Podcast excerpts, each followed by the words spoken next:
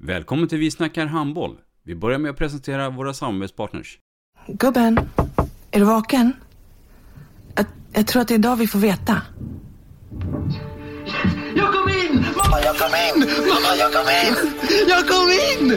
Ah! Vi finns där du är när livet förändras. För alltid välkommen till Länsförsäkringar. Nej men, ska du ha t-shirt på dig? Du, det är ingen vanlig t-shirt. Det är en nya bollar till klubben t-shirt. Och så matchar den grillkryddorna vi ska använda. Hur då? Men det är ju alla ska med på klassresan grillkryddor. Stötta barn och unga. Shoppa på newbodyfamily.com. Länge leve föreningslivet!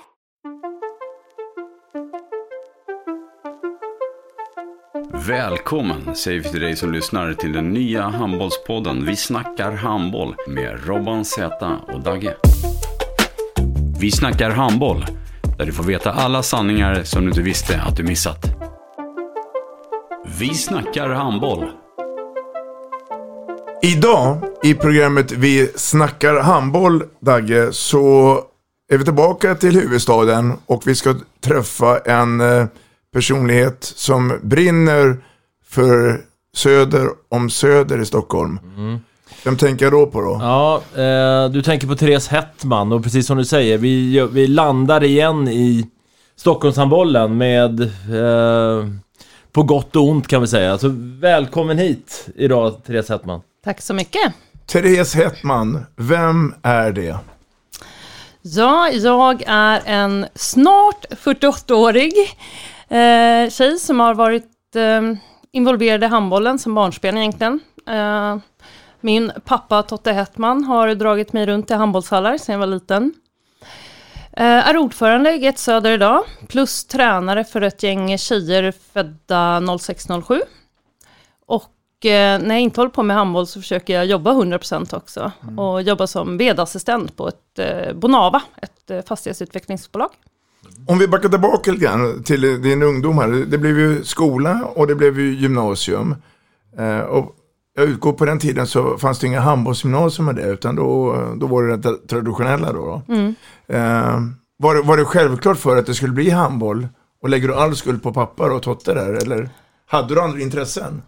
Nej, det var ganska tidigt självklart för mig. Eh, och jag lägger skulden på pappa. Ja. Men nej, jag tyckte att det, jag, jag tyckte det var jättekul att vara med på handsträningar när jag var liten. Jag ville börja så fort som möjligt. Så att jag började redan med killar när jag var ja, fem, sex år eller någonting sånt. För det inte fanns någon tjejlag. Eh, jag har provat på lite simning. Kort, eh, friidrott, det gjorde jag faktiskt lite smyg eh, för, för pappa. Eh, och sen så var jag fotbollsmålvakt en säsong i GT76 startade någon fotbollslag, så då var jag med där. Men eh, nej, handbollen var det som gällde, det var det jag tyckte var absolut roligast. Ta oss tillbaka i tiden. Berätta om GT76. Vad, vad, vad är det för klubb? Men en, en liten kvartersklubb skulle jag kalla det för, som hängde mycket i Gubbängshallen, så mycket kretsade kring Gubbängshallen. Och lite Farstahallen. Det är den där hallen som man går in i när det regnar på Eken Cup va? Ja men precis, förvisso är det väl en omgjord och, utbyggd nu eh, tror jag va. Men man har ju många så här barndomsminnen från, från Gubbängshallen faktiskt. Ja. Och Gubbängsfältet. Precis, ja den har ju fått rätt bredd nu i alla fall, Ja. men den är fortfarande lite för kort. Ja, okej. Ja, nej men... Eh, jag har ju då hängt med pappa. Pappa hade väldigt många vänner i, i handbollen och det var mycket liksom en, kompisklubb när man spelade. Ehm, Vilka konkurrenter fanns det då? då? Så, ja, när jag växte upp så var det väl IK Hele, ja. var ju, eller lite mindre, var Hökarängen typ där. Eh, och sen var det BK Söder skulle jag säga. Som var de som var närmast i alla fall. Och, och Geto hade då på din, din tid även killar och tjejhandboll, eller var det? Ja, och där jag skulle säga att eh, killsidan var lite större, eller herrhandbollen. De har ju varit lite bättre än damsidan hela tiden. Och pappa var nog ett tag tränare åt både herrarna och damerna. Eh, Samtidigt? Samtidigt, Ja, ja. mm, okej. Och spelade även lite i herrarna. Så att eh, han hade fullt upp och det innebar när jag hade min vecka hos pappa, då hade jag också fullt upp i hallen. Det var där jag hängde. Hade GT några framgångar sådär som med ungdomslag och jag tänker på flick och pojkarsvenskan och SM och, och, och så. Nej men inte, vi har väl varit så medel, medellag, men eh, våra killar födda 72 var rätt duktiga. De var med eh, lite högre upp och slogs. Eh, min årskull 73 var väl i någon final något år i, i Stockholmshandbollen. Och sen var vi lite så här mediokerlag. Vann många B-finaler, ett sånt Ja. lag. Mm. Eh, Man ska göra det också. eller hur? Ja. Men sen när vi kom in på 90-talisterna, då fick vi ju ett, eh, ett lag 90-tjejer som var riktigt duktiga. Som eh, lyckades ganska bra och var nog i finalsteget i USM och sådär. Men när vi tittar på 70-talister och 80-talister så, ja, någon medel. Eh, så. GT76 är ju inte, eller nu får du rätta mig, men är ju inte bara handbollen. Det fanns ju även bandy också, eh, säkert andra sporter också som du får rätta mig i så fall. Men efter ett tag sen så förändrades ju samhället lite grann. Och ni kom in i det här samarbetet då med BK Söder. Ja, men det var... Ehm, vi hade, båda, båda föreningarna hade ganska bra med ungdomslag. Eh, men vi saknade hela tiden lite olika årskullar. Och vi saknade ungefär varannan årskull. Mm. Så såg det ut. Och då började en diskussion kring, kan vi, kan vi göra någonting tillsammans? Eh, kan vi se till att vi får en större ungdomsverksamhet eh, tillsammans? Genom att samarbeta på något sätt. Och så började diskussionerna. Så det här var inget samarbete som handlade om att vi ska bli något jättestarkt A-lag eller att vi ska slopa att vi ska få bra A-lag. Så. Utan det handlade mer om, kan vi bli större och tillsammans eh, bygga en ungdomssektion? Ehm, och eh, ja, det var så på den vägen det var och så började vi jobba tillsammans.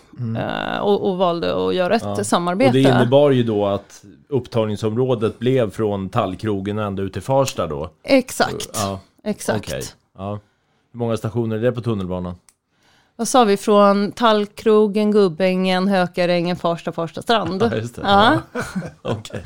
Precis. Den gröna linjen. Den gröna linjen. Ja, precis det. Mm. Du, ehm, jag stannar tillbaka till din aktiva karriär. Eh, för att Therese Hettman eh, har varit en bra handbollsspelare. För nu har du lagt skorna på hyllan. Men, men eh, berätta lite grann för oss, den resan. När du gick då från det här steget att jag är ungdomstjej och flickspelare till att nu vill jag ta ett steg till mot toppen. Ja. Hur tänkte du här? Nej, men jag började spela A-laget ganska tidigt när jag var ganska ung. Eh, och så ganska snart kom många av mina lagkompisar efter, eller vi var väl några som började tidigt.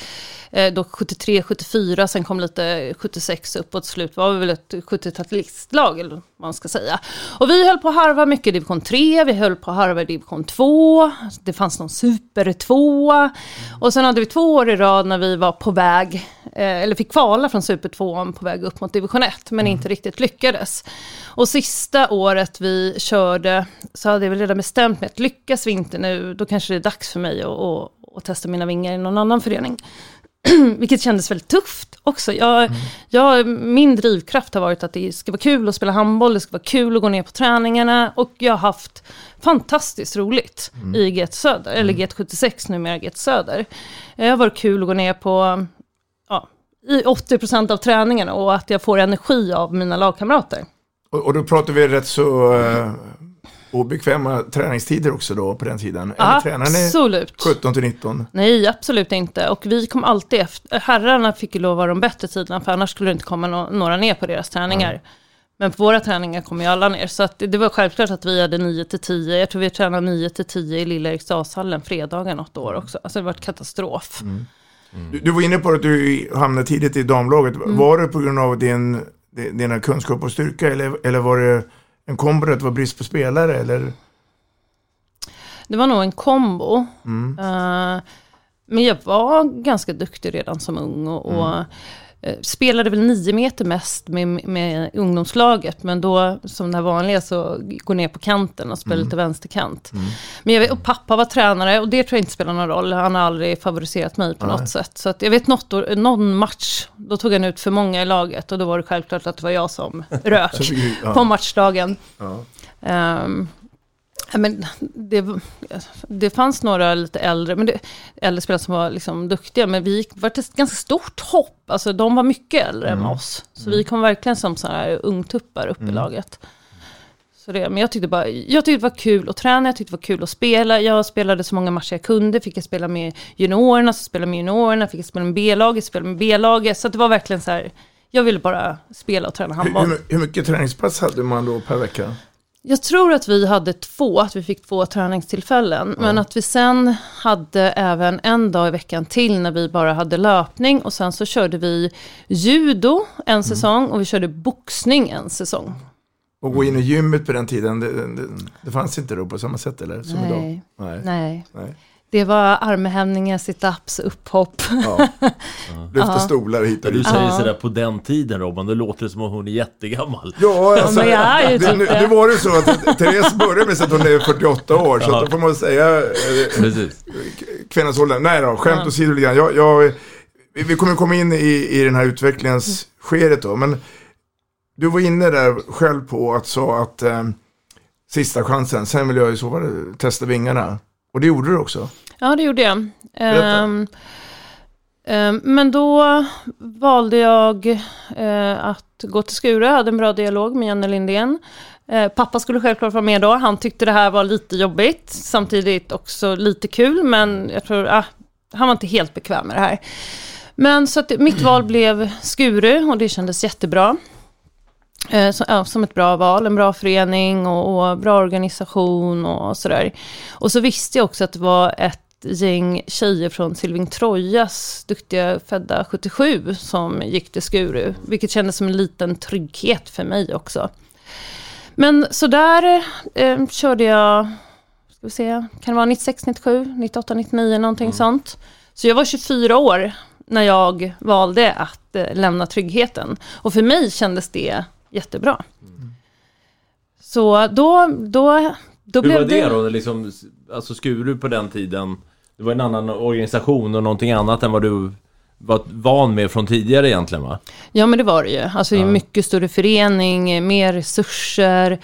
ehm, ja, men det Träna var, mera, alltså Träna mer framförallt. Framförallt fler träningstimmar blev det. Det var första gången jag gick in på gymmet också. Och den sommaren så hängde jag och, och min kompis Anna Helling på gymmet hela sommaren. Men jag fick också en enorm utväxling. Det var rätt häftigt faktiskt. Det blev en liten mu- muskeltjej. Ja, eller nej, jag blev fasiken mindre, men jag, i allting som handlar om speed, explosivitet, farten, det märkte jag stor skillnad.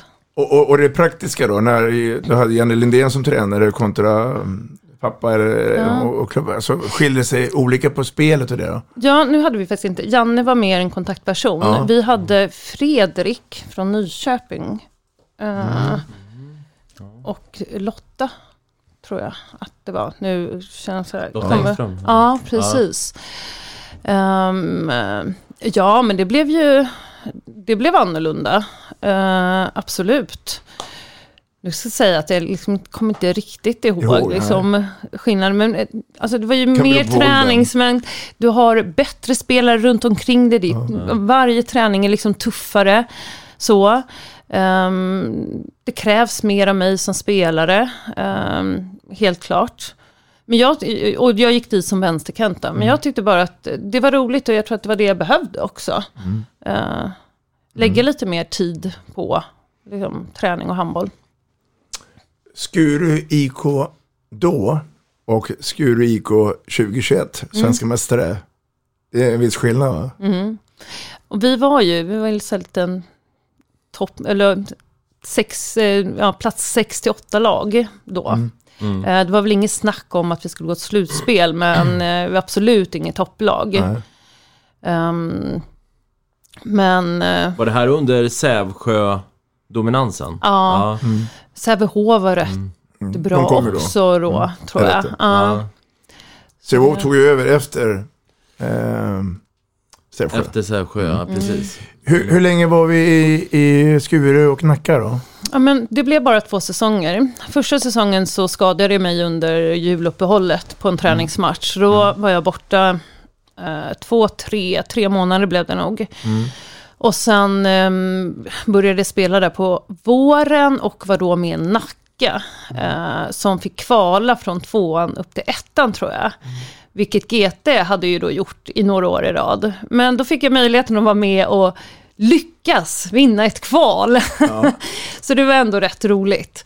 Eh, och säsongen efter, då fick vi chansen att vara med i någon sorts Europacup, jag kommer inte ihåg vad den heter. Mm. Eh, och det var ju superkul. Mm. Så vi var på Sicilien, vi var i eh, Tyskland, eh, så vi hade, fick två matcher. Mm.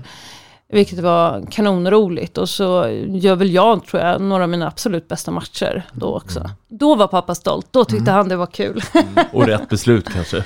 absolut, absolut. Ja. Jag, jag, jag eh, skulle vilja gå tillbaka igen till eh, ungdomsåren där. Mm. Eh, Stockholms stadslag. Kom inte jag med i. Nej, jag vet det. Hur, hur, hur tog man det? Um... Nej, men jag tyckte väl det var rätt tråkigt. Det var Västerhaninge som ja. var där. De var ju väldigt många duktiga med Katarina då mm. Arvidsson, mm. med fler. Eh, det var tråkigt, men det var ingenting jag gick heller och Och på den tiden hade ju Stockholm bara ett lag. Idag är det lite annorlunda. Idag får ju flera chansen att spela mm. de här Sverigecuperna och det. Så att det eh, ja, eh, tillbaka till seniorskure då. Och du valde då att lämna Skure. Mm. Men som jag började med, alltså min drivkraft har alltid varit att tycka att, att det ska vara riktigt kul. Mm. Och, och, att jag ska kul och, och, det är även socialt faktiskt, ska jag mm. säga. Och, jag kände någonstans där på vårkanten att jag längtade, jag längtade tillbaka till Get76, jag, till den miljön och sådär. Nu har jag testat det här, det gick ju bra. Mm. Eh, min andra säsong var min absolut bästa säsong jag mm. någonsin har spelat. Så, eh, jag vet att eh, Anna Ljungdahl, Rapp, mm. sa till mig, mm. på, så, men vad håller du på med, varför, varför ska du sluta nu? Mm. Nu är du ju liksom på väg. Mm. Men det är någonstans inom mig så är det liksom jag kände att, ja ja, nu har jag testat på. Mm. Jag kan ångra det lite då. Jag skulle kanske gett det en säsong till och se vart det kunde ha burit. Mm. Mm. Men eh, ja, det har aldrig varit, jag har aldrig varit den som har drömt om jag ska spela i svenska landslaget. Eller ska, liksom, jag vill bli så bra som möjligt. Uh, uh, träna bra, uh, vilket vi gjorde i Skuru. Mm. Men jag måste också känna att jag har kul på vägen, mm. att det känns bra. Mm. Kunde du ta med den erfarenheten till, tillbaka sen till eh, eh GT då? då? Absolut. Eller tyckte de att du var, vi ska ha roligt här? Vi, Nej men absolut, alltså, där började ju vi i GT då snarare att göra en resa och gick upp division för division för mm. division. Mm. Vilket eh, inte alls var målet. Men vi fick några bra spelare, vi hade ett, liksom ett bra gäng, ett bra go. Um, några andra spelare började komma tillbaka som hade lämnat GT. Så det var rätt många spelare som hade GT76 som moderklubb. Mm. Uh, och så lite fler mm. tillskott och sådär. Så, uh, och flera hade spelat i, i högre serier uh, tidigare och kommer med den erfarenheten vet ungefär vad det som krävs. Mm. Sen Ja. Hur långt nådde ni i GT då? Vi har ju totalt alltså? spelat tre säsonger i högsta serien. Okej. Okay. Ja. Mm, mm. Så att eh, första året vi fick, eh, eller gick upp i dåvarande elitserien, eh, då var det också en allsvenska som var efter jul, tror jag man hade en mm, allsvenska. Mm. Då tackade alla lag nej.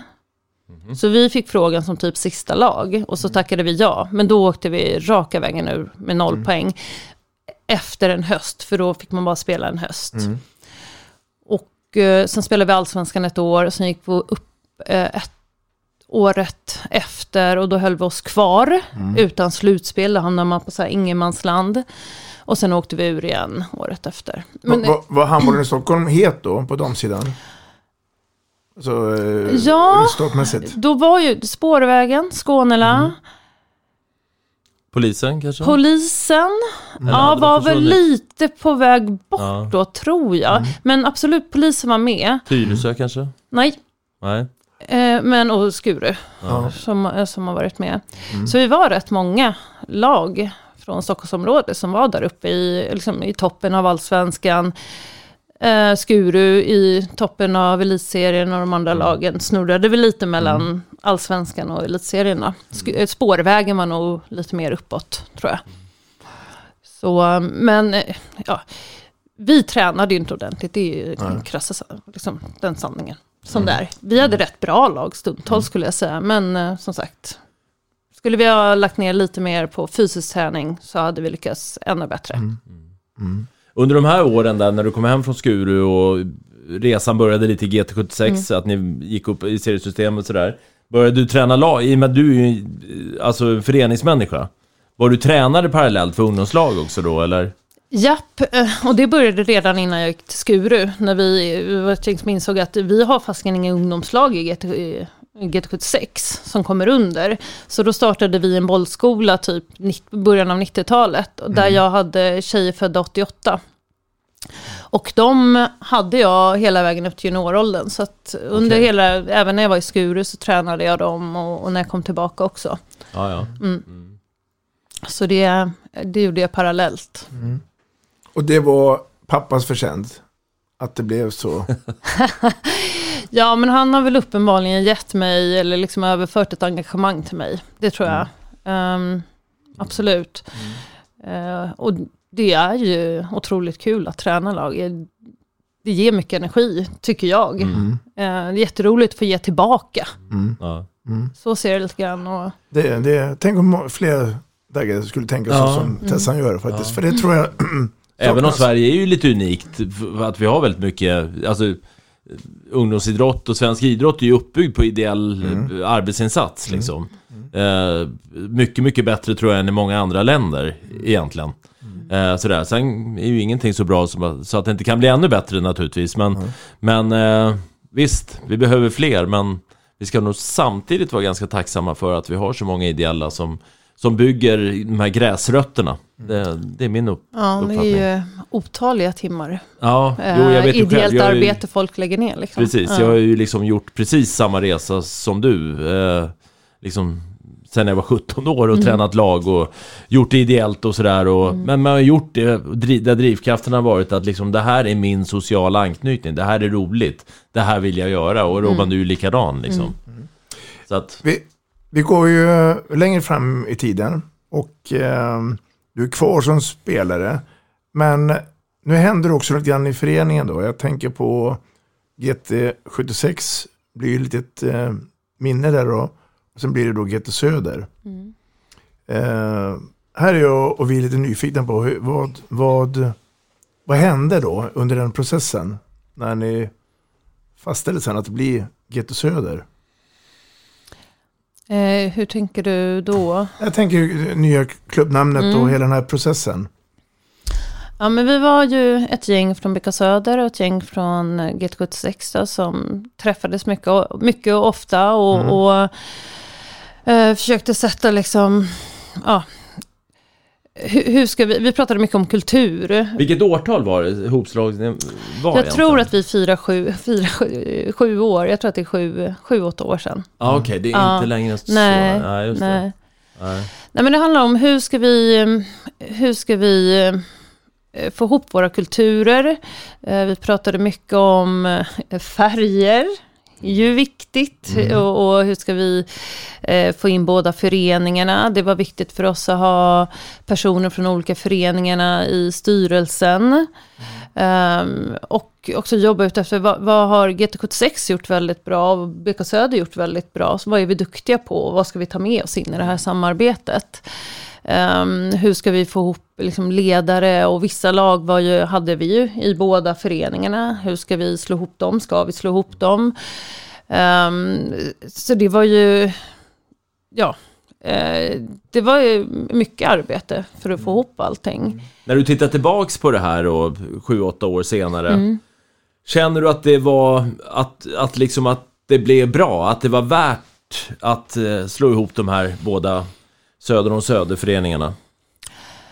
Ja, men jag tror det. Jag, jag tror att det var bra. Mm. Ehm, På grund av, För att vi blev fler, eh, vi fick ett större upptagningsområde.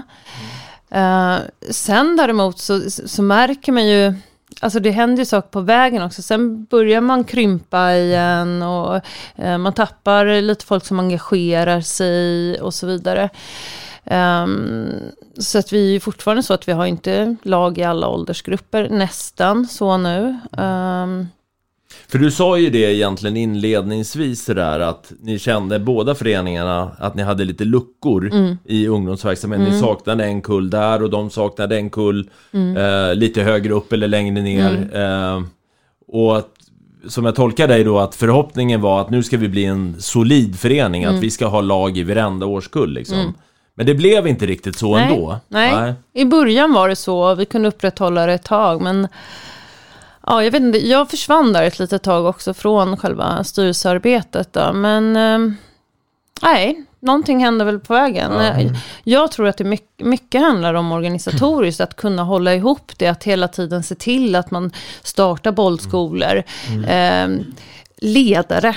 Vad har man för ledare till de olika lagen?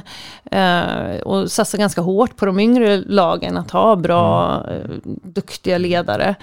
eh, för att hålla ihop det och även de äldre lagen såklart. Men, ehm, så det, ja. Eh, Men jag tror, jag är rädd att någon av föreningarna skulle, liksom, eller att båda föreningarna skulle vara jättesmå annars om vi hade hållit kvar det. Det tror jag. Och till och med kanske um, lagt sig på is. Ja, Mm. precis. Precis, för att det inte finns liksom alla, alla ideella krafter. Anledningen till att vi frågar lite grann, Mm. Robban och jag har ju pratat mycket om det här med hopslagningar och Mm. på våra fikastunder och sådär. Och om vi tittar lite i backspegeln på Stockholmshandbollen Mm. så, är det ju, så har det ju skett såna här fusioner eller sammanslagningar Mm. me- mellan olika föreningar. Men där egentligen där egentligen det inte liksom gett något resultat egentligen. Utan snarare tvärtom, om man tittar på Skogås som gick ihop med Hammarby. Mm. Vad hände med Skogås efter det? Liksom, de utplånades och, och, och dog ut helt Mm. enkelt egentligen. Sen vet inte jag om det beror på, på, på den sammanslagningen, men liksom... eh, Ja, jag, jag vet inte. Jag, jag är nyfiken på utfallet. Men vi, vår ambition var ju inte heller som jag sa från början att vi skulle få ett jäkligt bra damseniorlag. Det var inte elit. Det var inte elittänk Det var bredden. överhuvudtaget. Det var bredden vi tänkte på. Jag eh, är nog, jag tror att det är väldigt svårt med de här upp, hopslagningarna för att nå elit. Mm. Jag tror att du måste börja tänka bredd och bygga upp en organisation.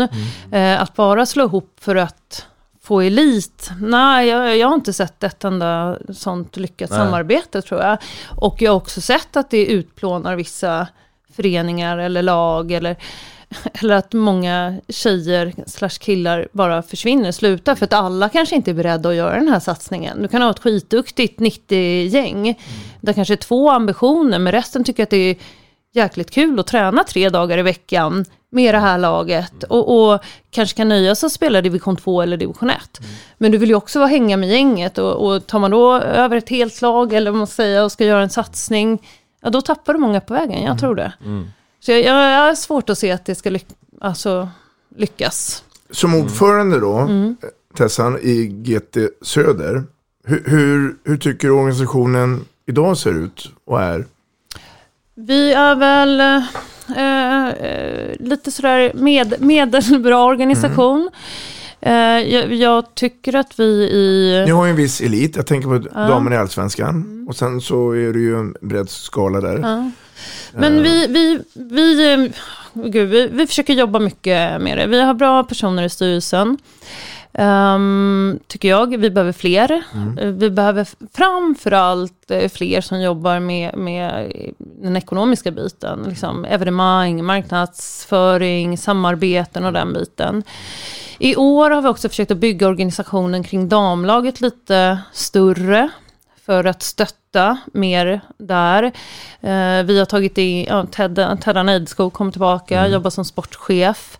Vi har tagit in Hassem Al-Saleh som en eh, mentor för våra tränare och, och som finns där och liksom håller, håller lite För, koll för på alla tränare eller för... eh, för våra A-lagstränare.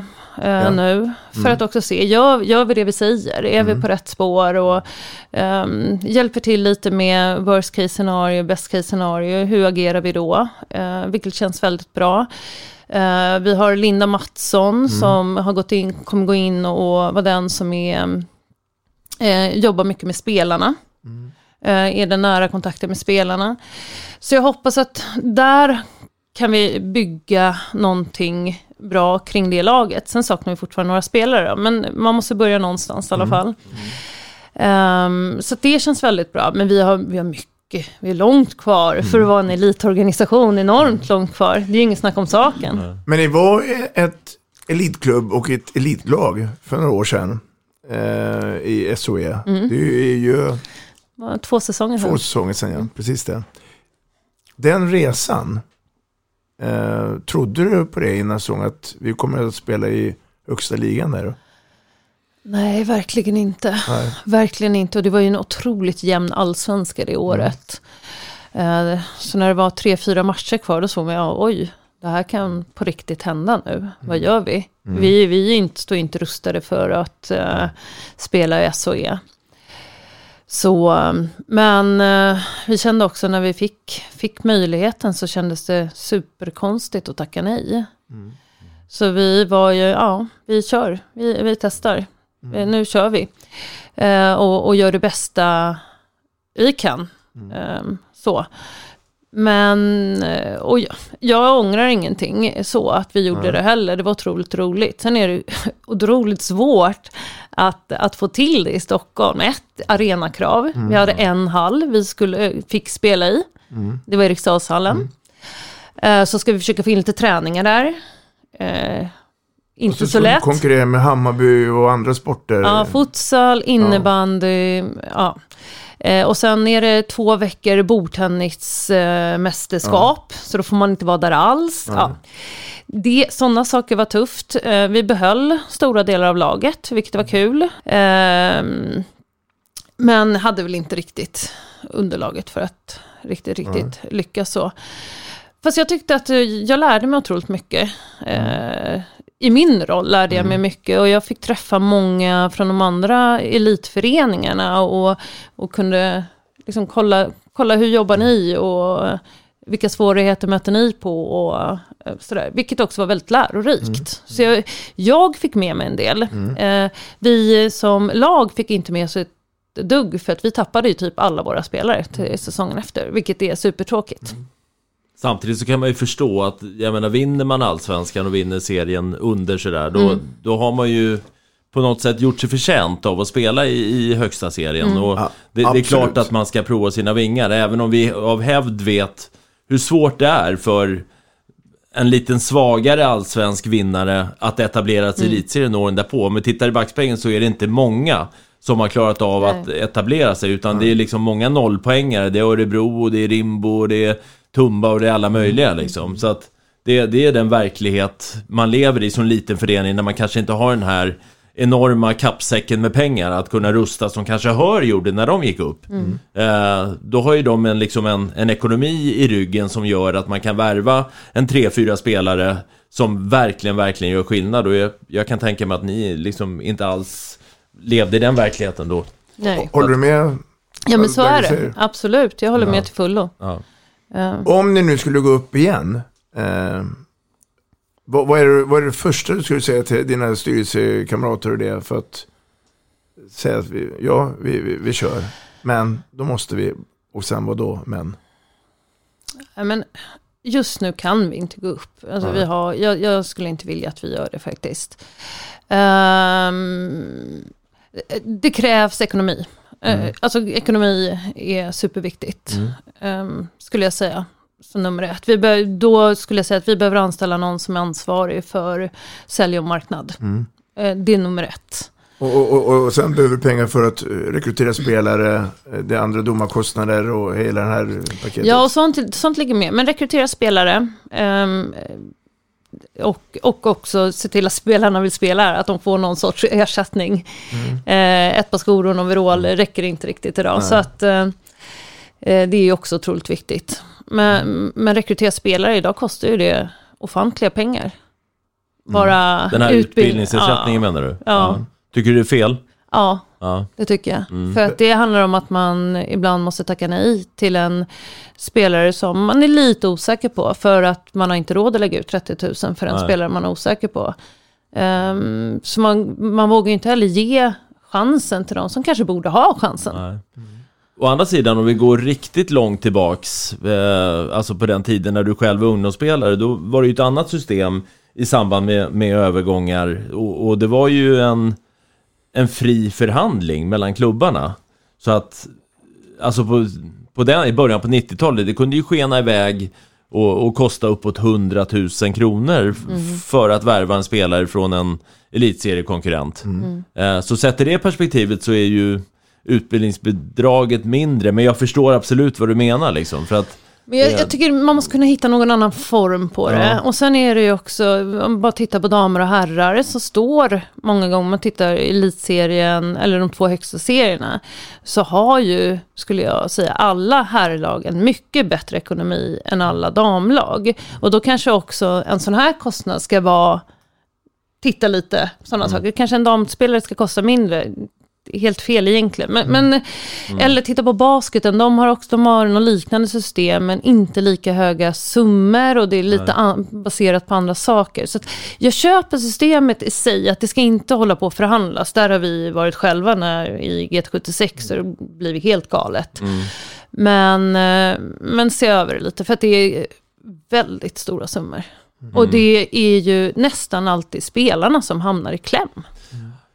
Ja, det är svårt. Det är svårt det där. För att, man, man, kan ju tänka ett omvänt scenario. Om ni, om vi leker med tanken att ni varit en jätteproducent av eh, lovande tjejer Mm. som sen de lite större drakarna, Skuru, bara rycker åt sig fast ni själva kanske har ambitioner att nu ska vi nå eliten liksom. Då hade man ju förmodligen tyckt annorlunda. Eh, eller, ja. Så att jag, jag förstår problematiken men det, det är inte lätt att lösa liksom. Nej. Eh, egentligen. Nu spelar ju då GT Söder i damallsvenskan. Och man hade ju en jobbig säsong eh, rent sportsligt. Det är stor skillnad mellan GT Söder, Tyresö, Skånera, AIK Vismål. Och få gå upp och spela i högsta serien, SOE. Mm. För nu kommer vi in i ett annat område. Och det är lite grann, jag vill höra din syn på Stockholmshandbollen. På damsidan. Ja. Är den attraktiv idag? Eller var det bättre förr? Eller hur kan den bli bättre? Jag tror tyvärr inte att den är så attraktiv idag. Ehm, Och det kommer från hjärtat, eller hjärnan? Hjärnan förmodligen. ja, ja eh, eller hjärtat.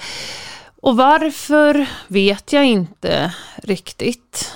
Ehm, jag tycker att handbollen, damhandbollen i Stockholm känns lite spretig. Det, man är, alltså jag kommer ju från eh, där man är, känner lite klubbkänsla och har någon känsla för klubben. Ehm, jag vet inte om det finns riktigt idag. Ehm, jag känner också att man väljer klubb efter vad andra väljer. Att jag får spela med bra spelare och det hoppas fram och tillbaka mellan allsvenska klubbar. Och, ja, det kan ju absolut bli bättre. Eh, så är det. Hur? Ja, jag vet inte. Jag tror ju på samarbeten fortfarande, men jag tror på helt andra samarbeten. Och det är, vi, vi siktar i med, med dåligt med halvtider. Um, vi kanske inte har eh, jättemånga bra ledare, I don't know. Det kanske kan bli bättre. Kan vi supporta varandra på andra sätt? Kan vi samarbeta på andra sätt? Kan vi se till att skapa någon sorts talangutvecklingsgrupp i Stockholm som får träna lite tillsammans, där man tar in ledare från olika eh, föreningar som är duktiga. Huddinge sitter på en bunch av ledare, det finns andra duktiga ledare också. För att jobba med liksom, talangutvecklingen i Stockholm och kanske då kunna också behålla fler duktiga tjejer inom Stockholmshandbollen. Sen tror jag att vi också måste eh, fundera lite på, är det, måste man spela i allsvenskan eller SHE när man är 16-17 år? Eller kan man fortsätta utvecklas i sin förening. Och genom kanske andra samarbeten då, eller talangutveckling, eller whatever det kan vara. Eller träna med Skuru en dag i veckan, eller GT Södra, eller Tyresö. Eh, lyckas ändå, och kan vi behålla dem då? Så jag, jag tror att vi måste öppna upp oss lite mer för varandra i, i, inom Stockholm och inom damhandbollen. Och stötta och supporta varandra för att tillsammans lyckas istället. Du, du nämnde ju här inled- inledningsvis, eller lite innan kamerorna slogs på här att eller inte kamerorna, mikrofonerna. eh, att eh, du hade lyssnat på Kjelle Windahls eh, program här i Mm. Vi snackar handboll och, och han beskriver ju väldigt utförligt den här problematiken med att bedriva elitidrott, damidrott i Stockholm. Mm. Eh, känner du igen dig liksom i hans sätt att eh, jobba i motvind? Alltså, ja och nej. Visst gör jag det. Jag, jag ser inte... Alltså, vi har få halvtider och hittan dattan. Ja, det har vi, men det kan vi lösa. Eh, tycker jag ändå. Eller, vi, vi, kör, ja, men vi kör på och man får lösa det på bästa sätt. Ja. Liksom.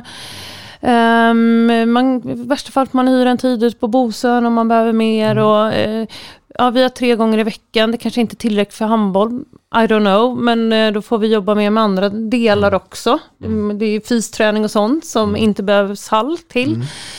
Eh, vi gör okej-ish liksom för våra ungdomslag också. Vi har Sköndalshallen där vi har rätt mycket tider. Och... Sköndal, Gubbängen, är ni ute i Fars någonting också? Ja, då, vi, Sköndal, Gubbängen, Farstahallen, Farstahallen 3 och Mm. Skarpnäck. Oj. Mm. Men hur många lag finns i föreningen idag? 15-16 tror jag. Ja, det är så pass. Ungdomslag. Ja. Skulle jämföra den med exempelvis Strands IF uppe i Hudiksvall Ja. som ligger på 14 lag då. Mm. Eh, och då tränar man tre hallar. Men, men, eh, Men ja, jag tror hallarna, vi behöver mer hallar i Stockholm. Mm. Punkt. Vi behöver en, eh, en till arrangemangshall också där vi kan Mm. spela matcher. Eh, jag vet inte, 1500 åskådare eller 8 till 1200 åskådare. Så att vi liksom också kan ha fler elitlag i Mm. Stockholm Mm. som spelar där uppe. Ehm, men sen så sen tror jag att det är mycket ekonomiskt. Liksom det, det är svårt att, och med sponsorer och hela den biten i Stockholm. Um, ja, vi, han nämnde väl det här också med att hänga, vi får inte hänga reklam, i Reklam, hallarna och nej, sådär. Eh, hade vi ett snack nu om Kondalshallen bland annat. Och en anledning är också att skol, det är sk- skolverksamhet där. Och då, du får inte ha reklam där då. Eh, där pratade vi om att lösa det med att ha ett skynke som man kan dra för om man vill. Så jag tror man får fortsätta ha en dialog. I Farstallen, ja vi får ta upp våra skyltar Mm. när det är matcher och Mm. sådär. Men det är ändå det, jag känner att det är det viktigaste för oss. Eh, jag tror inte, ja. Det är inte en big deal Nej. egentligen. Får jag bara runda av det här ämnet då? då. Skuru är ju svenska mästare. Eh, kommer de vara på toppen i Stockholm x antal år till tror du? Eller tror du att det finns möjlighet att något annat Stockholmslag kommer i närheten av Skuru? Nej, inte på kort sikt. Jag tror att det kommer ta ett tag. Och jag hoppas Mm. verkligen att Skuru kommer fortsätta att befinna sig där i toppen. Det Ja. hoppas jag verkligen. Eh, jag kan väl då tycka att det är lite bra att Nacka åkte ur, eller valde att tacka nej till allsvenskan, för jag tycker att det blir tokigt. Mm. Eh, så jag tycker det är bra att de är division 1, men vilka ser jag närmast? Jag, jag vet faktiskt inte. Jag Mm. tycker att Tyresö, som har en ganska stor ungdomsförening, borde eh, ha möjlighet att, att börja klättra. Ehm, men eh, jag vet inte, Skåne är väl inte alls det. De har inte riktigt det materialet skulle jag säga. Spårvägen? Spårvägen, men de är ju långt kvar nu. Mm. Nu har de ju, då måste det ju... eh, nej, det kommer dröja. Um, sen har vi AIK, vet jag inte heller alltså hur det ser ut på ungdomssidan. För jag tror fortfarande att du måste, alltså, du behöver ha en bra ungdomssektion. Precis. eh, som föder lite talanger så att du har Ja. lite egna talanger. Se, du som ordförande, ser du en risk i att det bara finns ett elitlag på damsidan i Stockholm och att när det då kommer upp lovande eh, juniorer, alltså J-landslagsspelare från andra föreningar, att då är det det alternativ, då är det Skuru som gäller. I och med att det inte finns någon annan eh, på banan. Ja men det behöver, upp, något, minst ett lag till Ja. tror jag behövs. Mm. Eh, det, det kommer bara gynna Stockholmshandbollen i stort. Eh, givet att Skuru inte kan ta emot alla och då tappar vi dem ut i landet. Mm. Så vill vi behålla våra egna spelare i Stockholmsrådet och stärka Stockholmshandbollen så behövs det ett lag till. Mm. Absolut. Eh, men jag hoppas ju tror att det är någon av föreningarna som finns idag som tar den Precis. platsen. Men då pratar vi över tid. Över vi- tid, och, ja, och det här tror jag är några år. Ja. Ja. Eh, faktiskt. Ja, jag, är, jag är rädd för det. Ja. ja, men vi är ju unga alla tre här, så vi har några år kvar då. Du, ehm, Therese Hettman, ordförande i GD Söder. Hur är den personen? Ordföranden? Ja. Oj.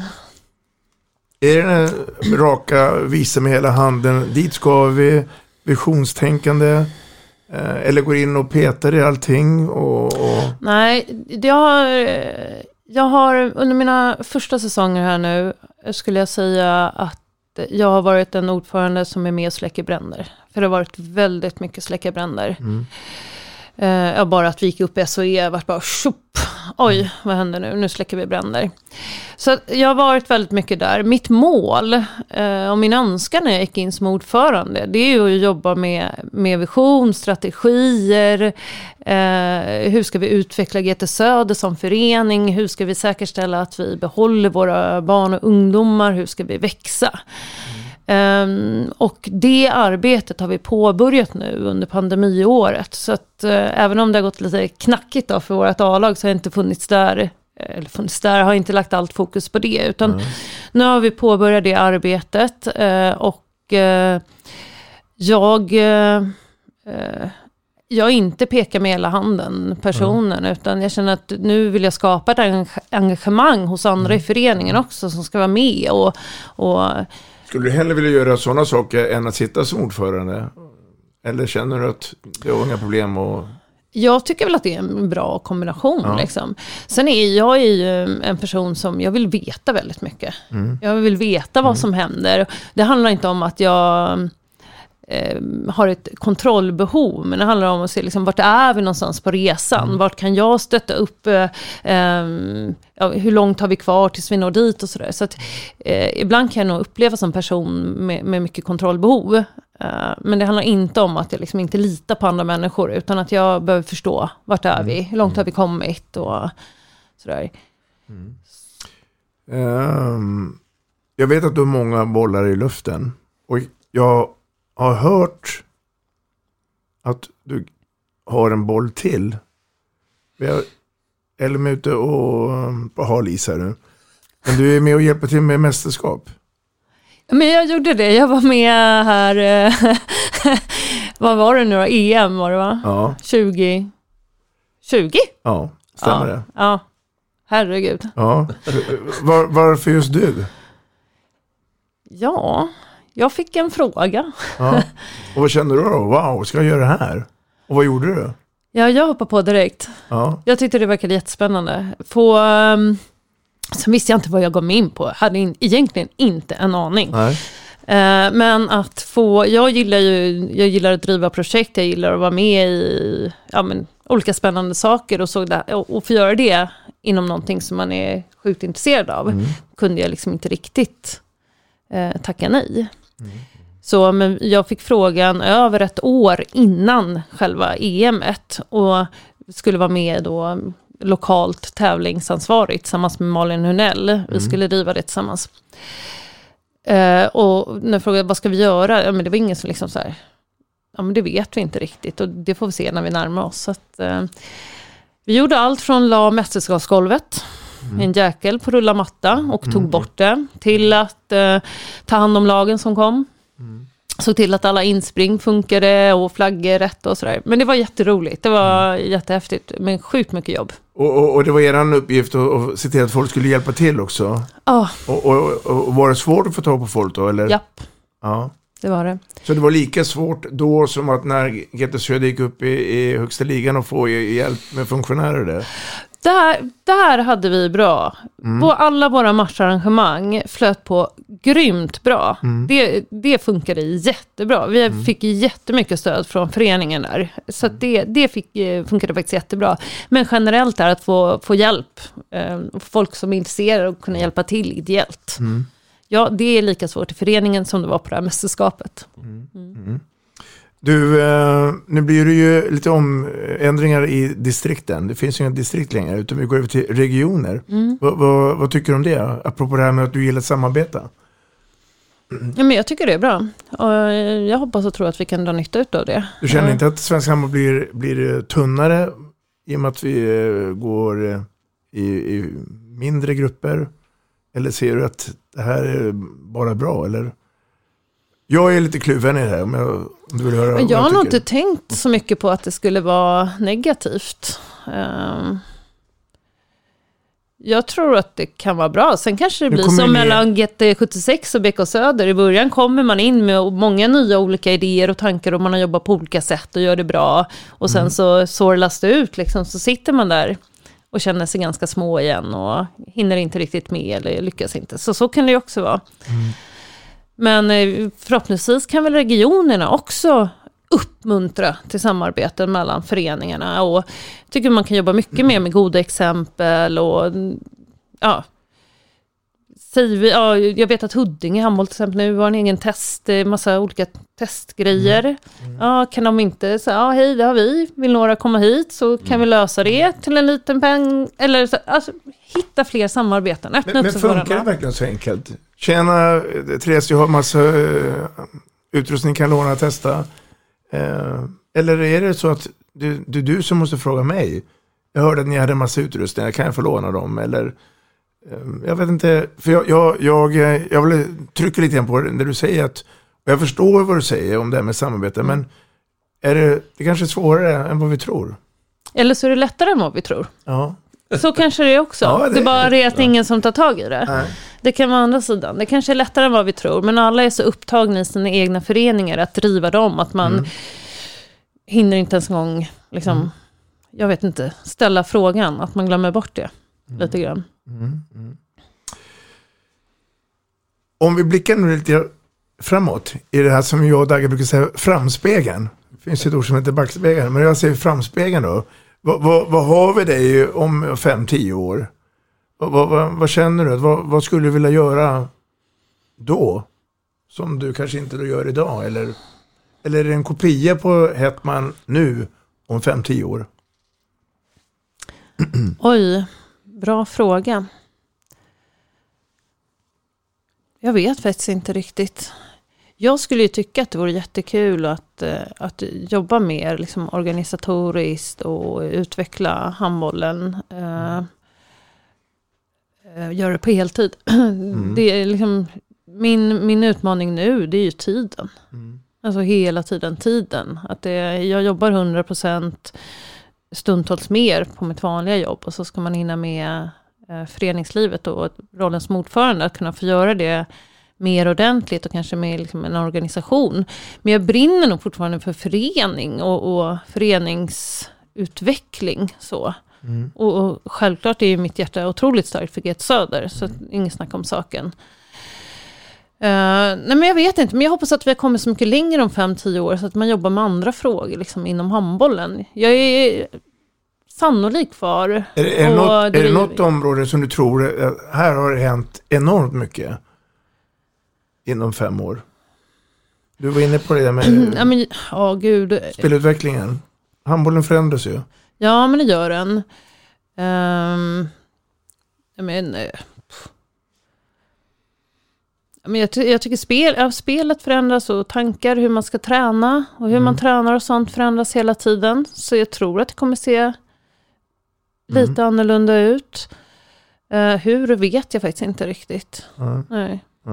Sen liksom föreningsmässigt, vi kommer ju digitaliseras mer, det kommer vara mer webbsändningar, det kommer, liksom, du kommer behöva synas på ett annat sätt tror jag, som förening, förbund eh, etc. är min förhoppning. Min förhoppning också är att vi har många, många, många fler kvinnliga ledare i, i, eh, i liksom, positioner som syns, ledande positioner, både från Svenska handbollsförbundet, i, i våra landslag, Ehm, att vi lyckas med att få fler tjejer att intressera sig och involvera sig, engagera sig i högre poster. har du några tips då? För det är en av de här eh, tankarna vi tänkte prata med om. Hur får man fram flera kvinnliga ledare? Mm. Eller är det som du säger, det är, det är enkelt, inga problem. Eh, Nej, jag tror att det är en utmaning, absolut.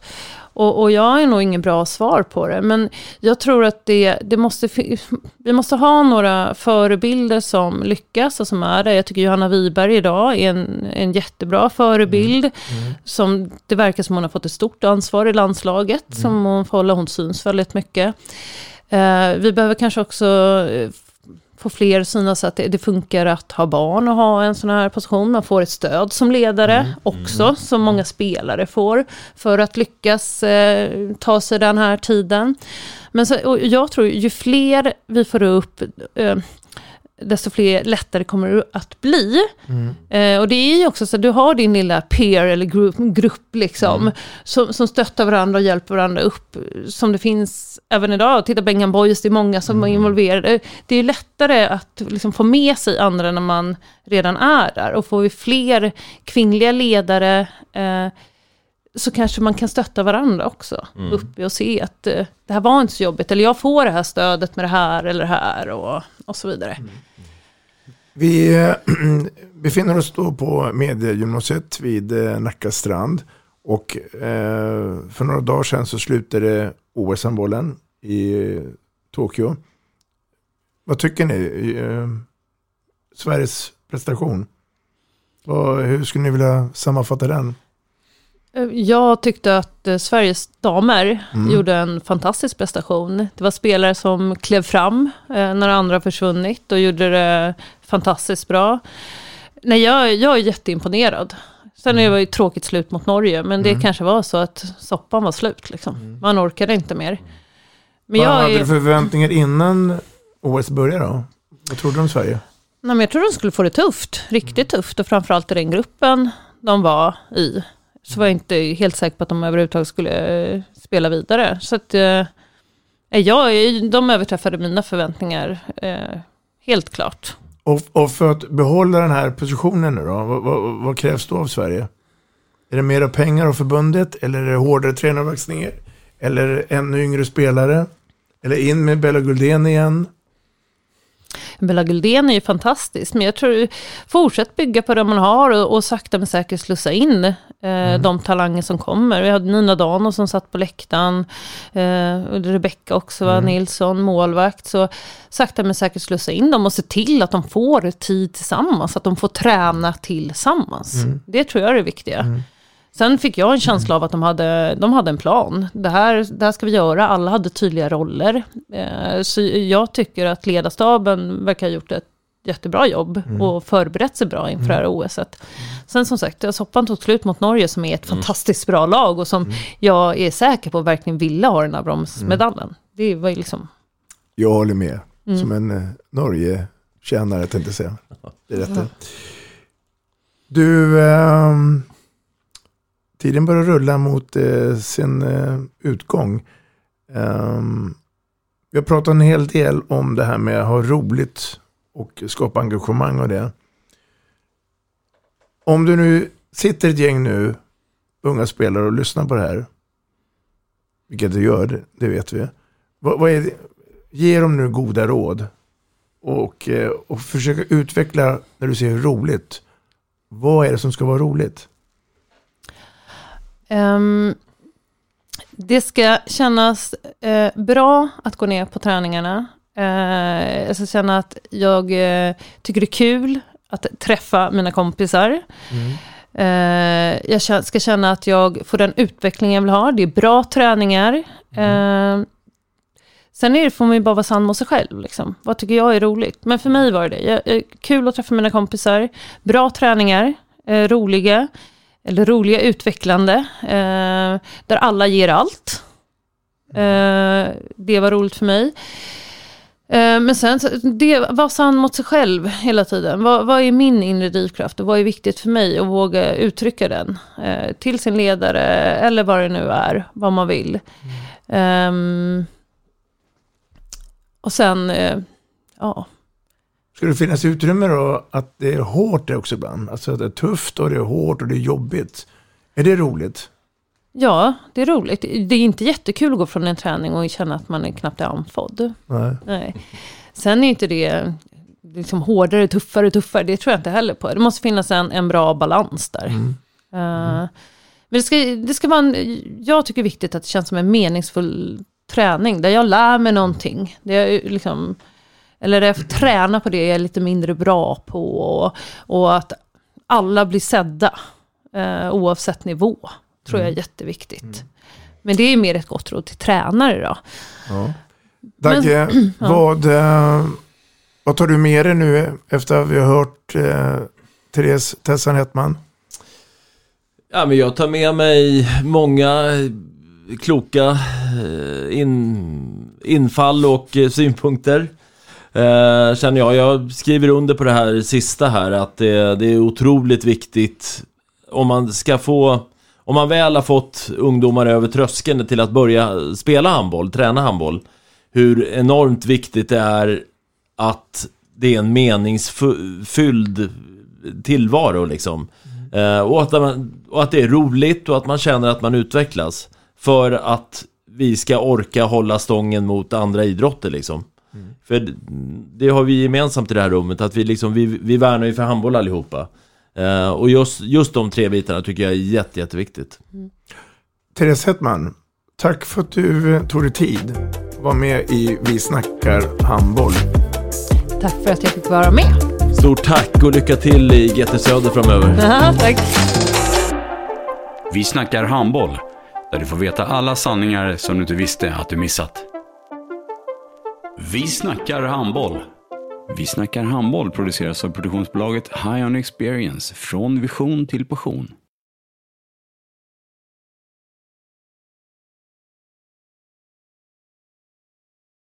Ett avslutande tack till våra samarbetspartners. Hallå!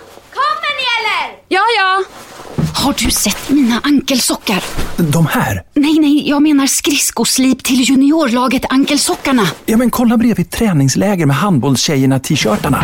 Stötta barn och unga. Shoppa på newbodyfamily.com. Länge leve föreningslivet! Gubben, är du vaken? Jag, jag tror att det är idag vi får veta. Jag kom in! Mamma, jag kom in! Mamma, jag kom in! Jag kom in! Ah! Vi finns där du är när livet förändras. För alltid välkommen till Länsförsäkringar.